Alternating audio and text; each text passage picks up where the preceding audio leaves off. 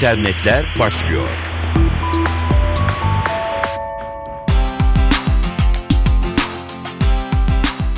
Dijital dünyanın öne çıkan gelişmeleriyle karşınızdayız. Mikrofonda Dilara Eldaş. Avrupa Birliği açık veri yasasını kabul etti. Yasayla kamu tarafından finanse edilen veriler geliştirici, şirket ve vatandaşlara açılıyor.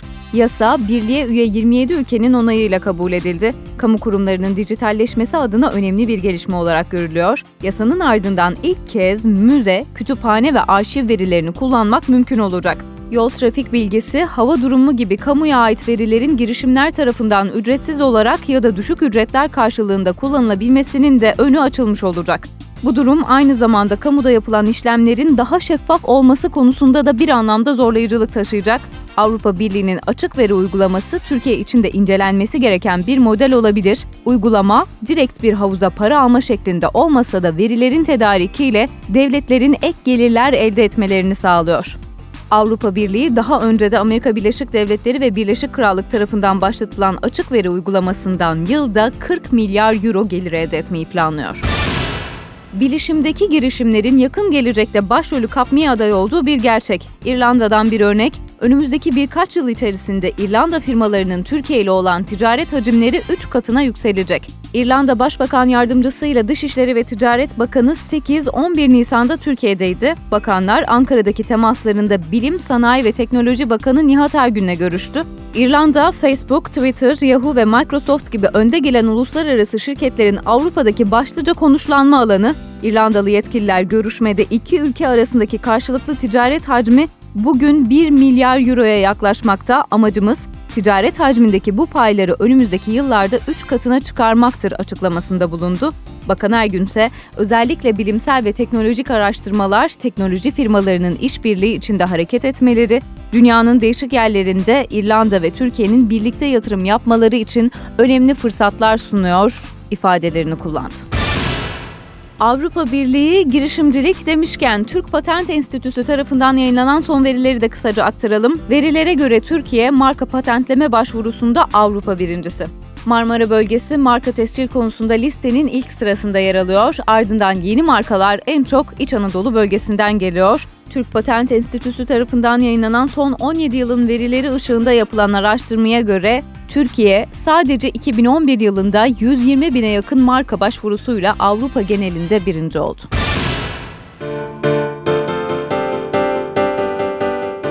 Belki günlük hayatımızda en çok kullanıp da akıllı telefonlarda kullanamadığımız programların başında Microsoft'un Office programları geliyor. Programların Android ya da iOS için uygulaması yok.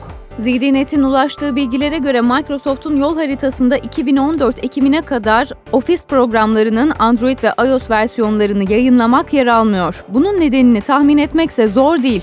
Profesyonelleri Windows işletim sistemli mobil cihazlara yönlendirmek. Zira rakipler dişli. Sosyal medya.co'daki verilere göre Microsoft sadece iPad uygulamasını çıkarmamasından dolayı 2,5 milyar dolar zararda, Dolayısıyla 2014 Ekim'ine kadar Windows işletim sistemleri hariç cep telefonlarında Microsoft Office programlarını beklemek pek mümkün değil. Intel Vakfı Başkanı Shelly Eskew 15 Nisan Pazartesi günü İstanbul'da. Eskew ziyareti kapsamında İstanbul Teknik Üniversitesi'nde gençler için teknoloji ile inovasyon konferansında konuşmacı olarak katılacak.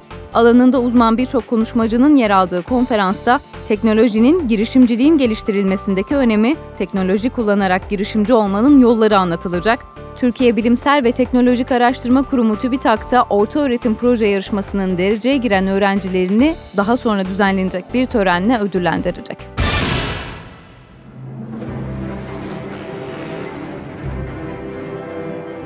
SimCity düşkünü Mac kullanıcıları uzun zamandır bekledikleri iyi haberi aldı. SimCity'nin Mac versiyonu 11 Haziran'da geliyor. Yeni versiyonla Mac ve PC kullanıcıları bulut üzerinden aynı platformda birlikte şehir inşa edebilecek. SimCity satın alan kullanıcılar oyunun tüm versiyonlarına erişim sağlayabilecek. Böylece MacBook Air veya Pro kullananlar diz üstünde oynamanın yanı sıra PC'lerinde de SimCity'nin keyfini çıkarabilecek.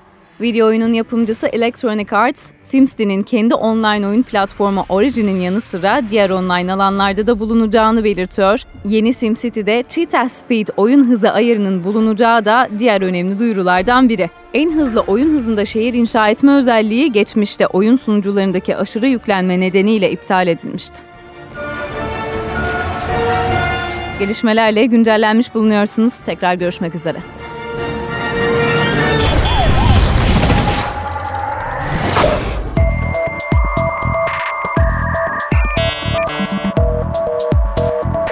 İnternetler sona erdi.